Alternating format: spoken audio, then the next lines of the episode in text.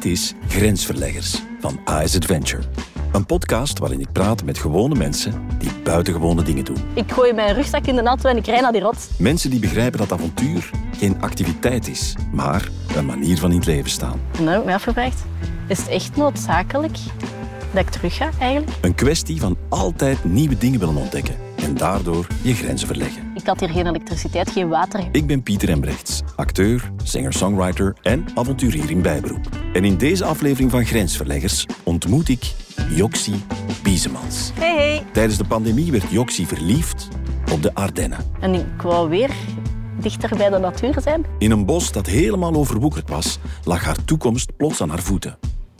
Een bordje op de grond waarop stond te koop. Ik heb gezegd, oké, ik koop het. Ze kocht het bos samen met een lapje bouwgrond en ruimde het eigenhandig op. Het kwam echt tot boven mijn hoofd. Hè. En nu gaat ze er wonen in een wikkelhuis. Dat is echt super spannend. Ze gaat er op zoek naar een ander leven dan dat in de stad. Rustiger Hier komt wat ik doe, enkel uit mijzelf. en duurzamer. Hier leer ik wat wij niet hebben, maar wat zo nodig is. Rust en tijd.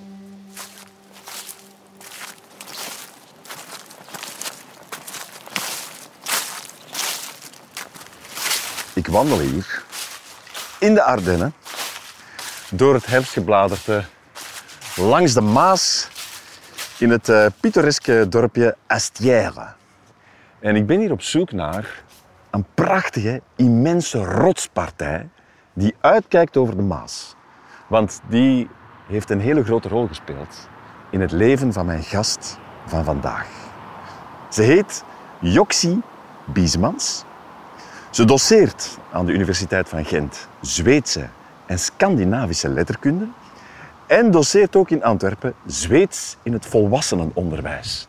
Nu, we kennen allemaal wel iemand die tijdens de corona stond te roepen: Oh, na de lockdown hè, ga ik mijn leven totaal anders inrichten. Veel meer natuur opzoeken, veel minder stad, meer rust en minder drukte. Maar, laat ons eerlijk zijn, weinigen hebben dit ook effectief gedaan. Mijn gast van vandaag, daarentegen, heeft dit absoluut gedaan. Zij heeft namelijk de combinatie gevonden tussen een zeer bevlogen beroepsleven en leven in, wat ze zelf noemt, het rijk der vrijheid. Het begint een klein beetje op te klaren, de wolken trekken weg. Er komt een hele mooie blauwe lucht tevoorschijn. En aan de overkant zie ik een piepklein wit kapelletje met een kruisbeeld. En daarboven die immense rots. En ik denk dat ik in de verte Joxie zie komen. Met een donkere blauwe Ford Transit van. Hey, ze!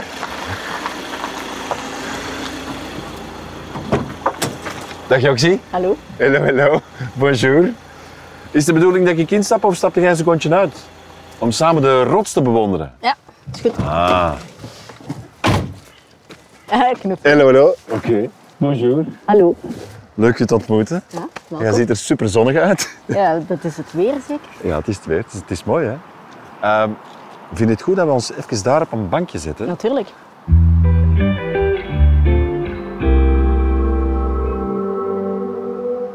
We zetten ons hier op dat bankje met zicht op de Maas. Een druk baantje daarachter. Maar daarboven Een prachtige rots. een prachtige rots, toch? Eh, De rots waarmee het allemaal begon. ja, dat, is dat zo? Ja, niet allemaal eigenlijk. Misschien begon het eerder met de Lofoten. Kent je de Lofoten? Dat is, dat, dat is in Noorwegen. Dat is een uitstekende eilandengroep in het noorden, noorden van Noorwegen. Uitstekend antwoord dan meteen. Ik voel het. Waar ik op reis was in Ja. de krokusvakantie van 2020. Super rustig hè, daar. Ja, dat moet verbluffend mooi zijn. Ja, sneeuw. Is er daar ook niet het noorderlicht? Ja, tuurlijk. Als je sans hebt en dat er geen wolken zijn. Maar ik was daar tien dagen en het was daar super rustig. En dan kwam ik terug Ja. om les te geven in het centrum van Antwerpen. En ik was nogal overprikkeld Door het centrum van door Antwerpen. het centrum van Antwerpen. Ja, dat kan ik me voorstellen. Dus ik dacht, oh, ik stap in mijn auto, want ik heb zo'n auto waarin dat je kunt slapen. Ik stap in mijn auto en ik ga naar Dardenne.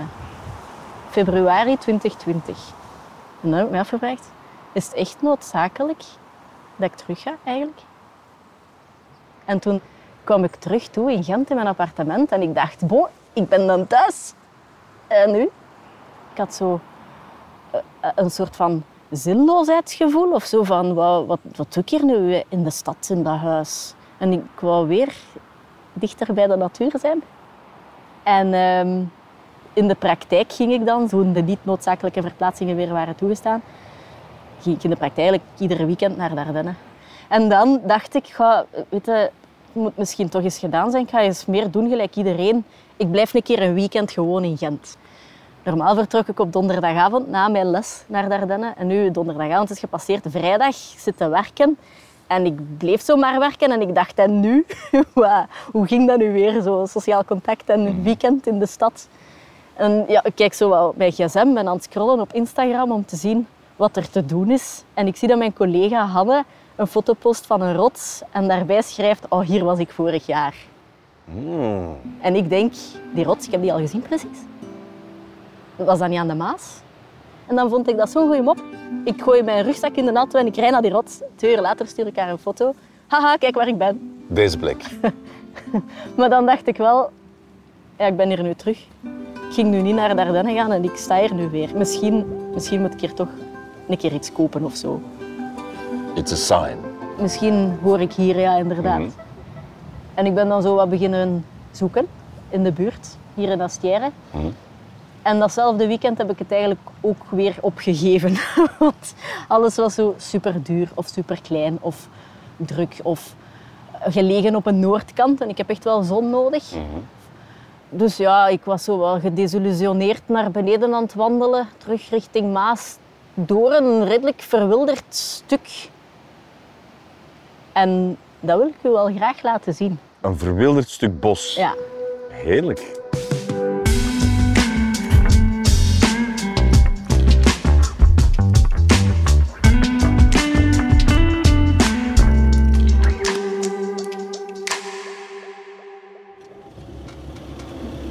Oké, ik ga hier parkeren. Want... Want... Ja?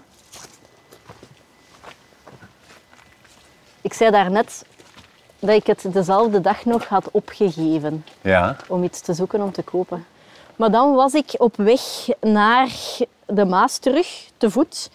En ik passeerde in dat stukje bos en ik dacht...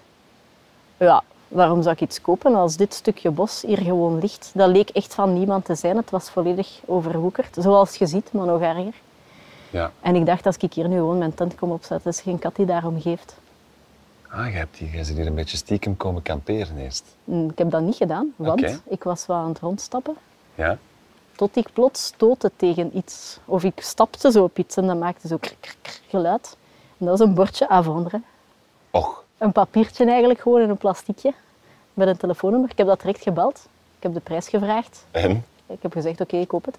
Nee. voilà. Maar toen was het volledig overwoekerd.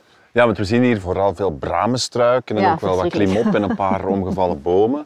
Maar verderop veel mooie berken ook. Ik heb hier al heel veel gewerkt. Dus deze heuvel, want het is best een steile heuvel, is, is jouw bos. Ja. Hoe raak jij dan boven? En daarom heb ik een kniptang meegebracht. Want je zult u de weg naar boven mogen knippen. Daarmee Oh, prima. draag je ook iets nuttig bij. Zeker, zeker. Ja, ja. Even de tangen pakken. ja. Voilà, alsjeblieft. En hebben we dat effectief nodig om boven te geraken? Of is het gewoon om gaandeweg ook nog een beetje te snoeien? Eh, ja, probeer maar zonder, maar waar ga je stappen? Volgens mij kan ik het langs daar, hè, zo wat mos. Ja, prima. Voilà, c'est parti.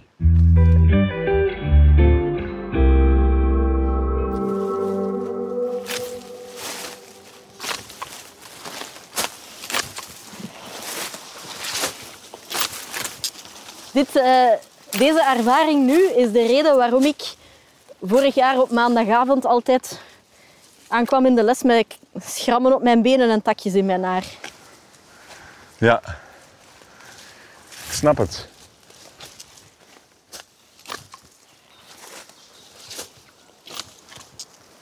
Zalig dat er zo eens iemand een beetje helpt. Is dat nu voor u een dagtaak dat je zegt van, voilà, vandaag ga ik dit stuk eh, even wat opkuisen? Nee, weet je, ik, eh, ik werk ook van hieruit. Ja. En meestal is het zo dat ik pakweg twee uur lessen voorbereid. Ja, En dan een uur takjes knip. oké. Dus en dan weer u twee een- uur werk. En dan weer twee uur Het is ook een vorm van eh, beweging. Ja, ja, sowieso. Maar ik heb ook gemerkt dat het echt goed is om even te werken en dan zo'n repetitieve fysieke handeling te doen. Omdat je dan beter nadenkt over wat dat je aan het doen bent. Ja, ja, maar dat is absoluut zo. Als je Even een een rustmoment inspanning zo. hebt gedaan, dan heb je vaak veel betere ideeën. Zeg maar, hier is toch al redelijk proper. Dat wil dat zeggen dat je hier al uitermate veel eh, Ja. hebt weggeknipt. Dit is het overwoekerdste dat ik u nog kan bieden. Maar voor mij valt dit wel redelijk goed mee in vergelijking met hoe het was. Het Ik kwam echt wel- tot boven mijn hoofd. hè. Ik ben niet Ja, zo ja. groot, maar een meter en een half is wel echt al hoog. Overal. Ja, Het was verschrikkelijk. echt ondoordringbaar. Ja, echt Maar verschrikkelijk. dan heb jij hier al belachelijk hard gewerkt, toch? Veel geknipt, ja. Hoe groot is het bos hier eigenlijk juist? Een voetbalveld. Of iets, ietsje minder dan een voetbalveld. Ik weet het niet exact zo. En dan wel een afhellend eh, voetbalveld. Maar het grappige is, toen ik belde, Ja. het zijn eigenlijk van boven twee percelen en dit is een bos. En toen ik belde voor de prijs, dan dacht ik dat ze de prijs zeiden van één van de twee percelen. En toen ik bij de mensen thuis langs ging om zo het eerste contract te tekenen, was pas het moment dat ik zag, ah, het is voor alle twee de percelen. Oké. Dus ik heb eigenlijk twee percelen en een bos. En je hebt besloten om dat dan alleen te kopen. Mhm. En ik meen toch ook uit je verhaal op te maken dat je hier vaak alleen ook werkt. Mhm. Is dat een, eh, een toestand waar je graag in bevindt? Eigenlijk alleen zijn? Ik zeg altijd, of ik heb altijd gezegd dat mijn standaard bestaansvorm alleen is. Mhm. Heel veel mensen zijn zo altijd op zoek naar contact, contact, contact. Maar ik ben altijd op zoek naar, kan ik alleen zijn? En in onze maatschappij is dat niet meer zo evident om even alleen te zijn. Maar ik merk dat ik dat moment van rust nodig heb om gewoon even terug tot mezelf te komen. Ik weet niet, als je constant van het een en het ander en van die naar die en zo springt, hoe weet je dan nog wat je zelf denkt en vindt? Mhm, mhm. Dus Ja. iedereen is hier natuurlijk welkom, maar niet iedere dag. En ik merkte wel ook, ik heb, ik zei daarnet, ik ging al lang zo stiekem naar de Ardennen, omdat ik daar niet graag voor uitkwam, dat ik wel graag alleen was of zo. Dat, dat leek zo niet aanvaard in onze maatschappij. Alles is zo eh, sociaal en kijk wat ik met mijn vrienden heb gedaan en bla bla. Maar ik, ik weet al lang dat ik dat nodig heb, om ook eens alleen te zijn. En vooral dan te gaan fietsen of zo, gewoon iets te doen in de natuur. Zou je kunnen zeggen dat je hier een, een, eh, een beter, of althans zeker eh, rustiger contact hebt met jezelf dan in de stad? Ja, ja. een goed voorbeeld daarvan. Mijn eh, directe leidinggevende vroeg, "Oh, maar als je nu bos bent, kunt je daar dan wel werken eigenlijk? Allee, logische vraag. En mijn bureau is wel heel rustig, maar ik zei, hier heb je heel die stad die u afleidt. En zelfs al hoort je ze niet of zo, die is er wel. En al die mogelijke activiteiten. En hoe moet ik nu eigenlijk met mensen afspreken en dingen doen, dat, dat zorgt dat al 10, 20 procent ruimte in mijn hoofd uitgaat naar de stad bestaat. En hier, hier heb ik gewoon 100% focus op mijn job als ik dat wil, op whatever, wat dat ik wil. Dus ja, En- En geeft je dat rust en energie en eigenlijk meer focus op je werk? ja, ja. Ah, dat is wel goed. Dus het is een goede balans voor jou. Ja, het is echt... Want ik zou ook niet fulltime hier kunnen zijn. Ik heb dat sociale ook echt nodig. Ehm, en nu ben ik ook socialer in de stad, omdat ik... Als ik in de stad ben, ben ik al recht in die mindset van nu ben ik hier. Hmm. Ik ga er nu van genieten ook echt. Plus ook als mensen naar hier komen, dan is dat niet voor een paar uur. Dan is dat voor een hele dag. En dan heb ik ook een ander soort, een directer, een diepgaander soort contact met mensen. Plus ook, zeker, eh, ik had hier geen elektriciteit, geen water. Je wordt directer geconfronteerd met je basisbehoeften. Hmm. En in de stad moet je daar ook niet over nadenken. Je draait een kraan open of je steekt je stekker in stopcontact. Maar ik vind het heel waardevol om daar wel over na te denken. En dat brengt u op een manier tot de essentie van... Tot een bewuster leven. Ja. Ja. En ik denk dat dat, eh, ja, dat zich dat ook weer spiegelt in heel de klimaatcrisis en hoe dat mensen tegenover de natuur staan. De mensen zien de natuur meer als een object of zo. en hebben daar geen directe voeling mee. Als je niet weet van waar dat je weten komt, als je niet weet van waar dat je energie komt, springt je daar niet bewust mee om en kan je dat ook niet zoveel schelen. Maar als je daar echt mee geconfronteerd wordt, ah, nu schijnt de zon, nu kan ik mijn batterijen opladen. Dat is een heel andere manier van in het leven staan, maar een heel andere manier van je verhouden tot je omgeving. Allee, zo van die dingen. Ik vind dat wij hier in België ehm, de voeling met de natuur veel te veel zijn kwijtgeraakt. En dat is hier zo, maar dat is redelijk uitzonderlijk, want er zijn zoveel andere plekken waar die voeling met de natuur wel een be- belangrijke rol speelt in het dagelijkse leven. En het is gewoon zot hoe dat, wat bij ons nu de norm is, zo hard de norm is geworden. Eigenlijk is de aankoop van dit bos voor jou een soort antwoord eh, op de vragen die je jezelf hebt gesteld. Hè? Namelijk, wat heb ik eigenlijk nodig? Eh, wat Ja. brengt mij meer rust? Wat brengt mij meer in balans? En Ja. toch kan ik me ook voorstellen dat veel mensen daar ook vragen bij gaan hebben. Van, is het een vlucht? Is het een, eh, moet je je daar soms voor verantwoorden? Minder en minder. Eh, dus vroeger ging ik vaak op daguitstap naar de Ardennen en hield ik daar redelijk stil. Vooral ook omdat ik dacht, mensen gaan dat niet snappen. Ik ga dat, ik ga dat moeten verantwoorden. Zelfs in gewone sociale contexten die zo van de ene activiteit in de andere rollen, dan zei ik, ah, ik moet nu weg, omdat ik even gewoon moest bekomen of alleen moest zijn of even in het park gaan zitten. Ehm, toen kwam COVID. Dan hebben meer mensen gezien van, ah ja, die, die rust is hier wel waardevol of zo. En ik denk dat meer mensen dat nodig hebben om even de stad uit te stappen en de dingen van op afstand te bekijken, letterlijk. Dat geeft veel rust en nieuwe inzichten. Zeker. Alles is zo, iedereen doet hetzelfde en alles is zo standaard. We leven in de stad of weet ik veel, we hebben een huis en dat is zo alsof dat, dat allemaal zo moet. En ik doe het dan anders en dan kreeg ik ja, feitelijk nog altijd door eh, opmerkingen van mensen is dat dan niet moeilijk?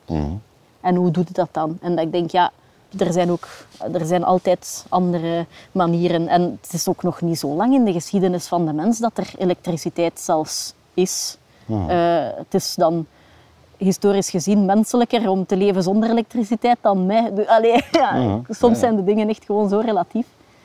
Want dat heeft bij mij redelijk lang geduurd. Dat ik zo voelde van, shit, ik wil hier iets anders dan wat iedereen doet. Ik ben echt niet normaal. En dat ik mij daar dan zorgen over maakte. Maar dan heeft dus een goede vriend gezegd, het is niet omdat iedereen dat doet en dat dat het gemiddelde is, dat het gemiddelde ook beter is. En dan dacht ik, ah ja, oké, wat ik vind mag eigenlijk ook. Ik ben ook een mens en mijn mening is ook menselijk en ik mag daar ook voor kiezen. Maar dat was moeilijk. Ik heb altijd geprobeerd om het normale pad te bewandelen, maar ik heb gemerkt hoeveel ik ook mijn best doe om in die urbane, geciviliseerde context te fungeren. Dan gaan mensen altijd zeggen, dat is Joxie, mijn raarste vriendin. En dan denk ik, wat heb ik nu weer gedaan? En dan op een moment heb ik gedacht, nu geef ik het op. Nu ga ik gewoon doen wat ik graag doe. En het was ook toevallig dan lockdown en covid. En daardoor heeft geen haan daarnaar gekraaid. Ja. Veel van de dingen waar we het net hebben over gehad, ehm, heb ik ook teruggevonden op jouw online blogs. Oei. Ja, jij schrijft hè, als je op reis bent, je hebt jou toch een blog bij. Ja. Zou je deze mooie tekst die jij geschreven hebt toen je op reis was, of aan het rondtrekken was in Bulgarije, eens willen voorlezen? Hij is getiteld De Realiteit. En daarvan moet ik de context geven dat veel mensen vroegen, je gaat zo vaak op reis, vlucht jij weg van iets? Ja, En ik stelde dat dan zelf heel hard in vraag. ja. Dus dat is de context. En dit is het antwoord. Oké. De mensen zeggen dat reizen wegvluchten is van de realiteit. Ik snap dat niet. Hier is er toch ook een realiteit? Ik ben hier toch zelf even reëel als ik thuis ben? Reëler zelfs, want ik word geconfronteerd met basisbehoeften waaraan niet met minder dan een vingerknip voldaan kan worden. Als ik beslis om hier te wonen, dan wordt dit ook mijn realiteit. Als ik morgen weer thuis ben, is het leven van die mensen hier niet minder reëel omdat ik gestopt ben met ernaar te kijken. En ik zelf kan ook niet voor 100% streven naar een leven dat slechts één mogelijke optie, één mogelijke realiteit is. Ik heb er minstens een paar nodig. Als een soort van catalogus in mijn hoofd. En dat is eigenlijk de enige echte realiteit volgens mij. Beseffen dat er verschillende realiteiten zijn en uw plaats daarin zoeken. Niet op één plek blijven en altijd maar doen wat er van u verwacht wordt, maar actief op zoek gaan naar welke optie van alle mogelijke opties u zelf het gelukkigste maakt. In alle mogelijke levens die je zou kunnen leiden. Als ik thuis, in een appartement, in de stad, zit na te denken over mijn leven, dan hoor ik mijn eigen gedachten bijna niet door de geluiden van de stad. En hier heb ik tijd om na te denken. Hier weet ik wie ik ben, omdat niemand iets van mij verwacht. Hier komt wat ik doe enkel uit mijzelf. Hier leer ik de dingen die wij zo gewend zijn ook in vraag te stellen. Elektriciteit, stromend water, een wc. Hier leer ik wat wij niet hebben, maar zo nodig is. Rust en tijd. Ja, ik vind dat een zeer mooie en zeer waardevolle tekst ehm, die je net hebt voorgelezen. Ik hoor de wind opsteken daar op de top van de heuvel.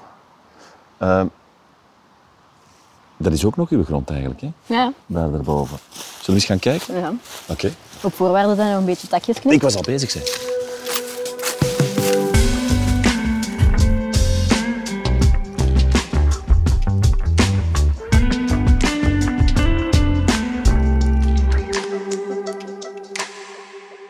Hier zijn we dan, op eh, je werf. Ja, Want dat is het wel, hè? ja, ja. Je had het hier moeten zien vorig jaar.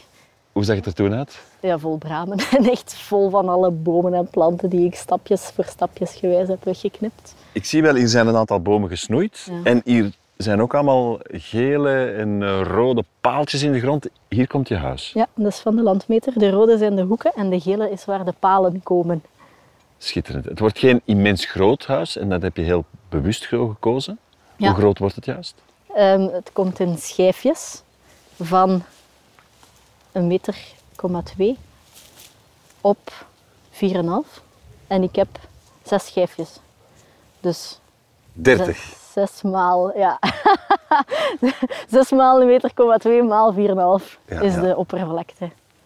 Dat is niet zo groot, maar vooral allee, voor mij belangrijk is ook dat het op palen staat. Omdat je dan geen impact hebt op je bodem. Je schroeft er gewoon een paal in, voilà, en het huis staat daarop. En je moet hier niet die waardevolle bosgrond gaan verstoren met een laag beton. En voor mij was dat echt superbelangrijk. Dat ik hier geen liters en liters beton ging kappen, maar dat mijn huis zo weinig impact mogelijk heeft. En het huis zelf is ook super duurzaam. Het is een huisje van karton. Ik, ik las de term een wikkelhuis. Ja. En ik had er nog nooit van gehoord. Wat wil dat precies zeggen? Het is een huisje dat helemaal gewikkeld is van binnen van karton, dus gerecycleerd karton. Maar daar dan een houten wand rond, die ook weer- en windbestendig en zo wordt gemaakt. En het heeft een groot raam vooraan en een groot raam achteraan, maar ook allemaal van hout, allemaal duurzaam. En het huisje komt echt volgende week. Hè. Dat is echt super spannend. Dus ook hier weer ben jij toch de grensverlegger die zegt: ik ga uit die vaste patronen breken, goed naar de wereld kijken, goed naar uw eigen noden kijken Ja. en die samenleggen. Ja. Niet omdat ik anders wil zijn, maar omdat ik gewoon denk dat dat beter is. En ook, ik heb echt niet zoveel ruimte nodig. Je mocht hier op elk perceel 60 vierkante meter zetten. Dus ik mag twee keer 60 vierkante meter zetten. Ik wil dat helemaal niet. Ik heb dat, ik heb dat niet nodig. Heel die ruimte, die omgeving hier is zoveel waardevoller dan, dan dat stukje waarin ik ingekapseld ga zitten. zitten. Je hebt echt niet zoveel nodig eigenlijk. En we leven zo wat in een, in een maatschappij waar dat, dat lijkt alsof dat, dat wel zo is. En dat, dat is voor mij een soort van escapisme. Omdat als mensen dan vragen, vlucht jij weg van iets? Komt jij dan hier in een bos wonen omdat je wegvlucht van de stad? Nee, ik ben ook heel graag in de stad. Maar ik voel dat dat voor mij een goed evenwicht brengt. Als je dan denkt, oh ik heb een knagend gevoel en dat probeert op te vullen met allerlei bezittingen of nieuwe dingen bestellen, omdat u dat dan een goed gevoel geeft. Ja, dat, nee, dat is niet goed voor het klimaat, maar dat gaat ook uw knagend gevoel niet weghelpen. Misschien even, maar je pakt de kern van uw probleem niet aan of zo. Joks, het is duidelijk dat jij iemand bent die altijd heel bewust met ecologie, met milieu, eh, bent omgesprongen. Hè? Ik heb de indruk dat op grotere schaal eh, de samenleving daar meer en meer oog voor begint te krijgen. Ja. Ehm, ja, hoe kijk jij daarnaar? Is dat iets waarvan je denkt van, ah, ze worden eindelijk wakker? Of ben je daar blij om? Ik heb dat als kind niet zo goed beseft, maar mijn ouders zijn eigenlijk echt klimaatactivisten avant la lettre. Ja. Maar zeker niet die op de barricades gaan staan, maar gewoon op hun kleine manier door hun kleine steentjes bij te dragen, omdat die voor hun normaal leken. Bijvoorbeeld, ja, ik had al pastinaak voor dat woord vergeten groente was uitgevonden. Mijn papa heeft een grote recyclage reservoir gebouwd voor regenwater, een hele filter om dat te filteren. En als het dan uit de kraan komt, gaan we het nog eens hergebruiken om de planten mee water te geven. Maar ehm, ik merk dat daar nu allemaal zo veel aandacht naar gaat. Ook naar stadslandbouw en zo met de klimaatcrisis natuurlijk, maar ook met de energiecrisis, dat er zo bepaalde keuzes worden gemaakt die ik al heel mijn leven onbewust maak. En dat bewijst ook de kracht van opvoeding. Hoeveel dat je je kind kunt meegeven als dit is normaal, als dat in je opvoeding zit. Ja.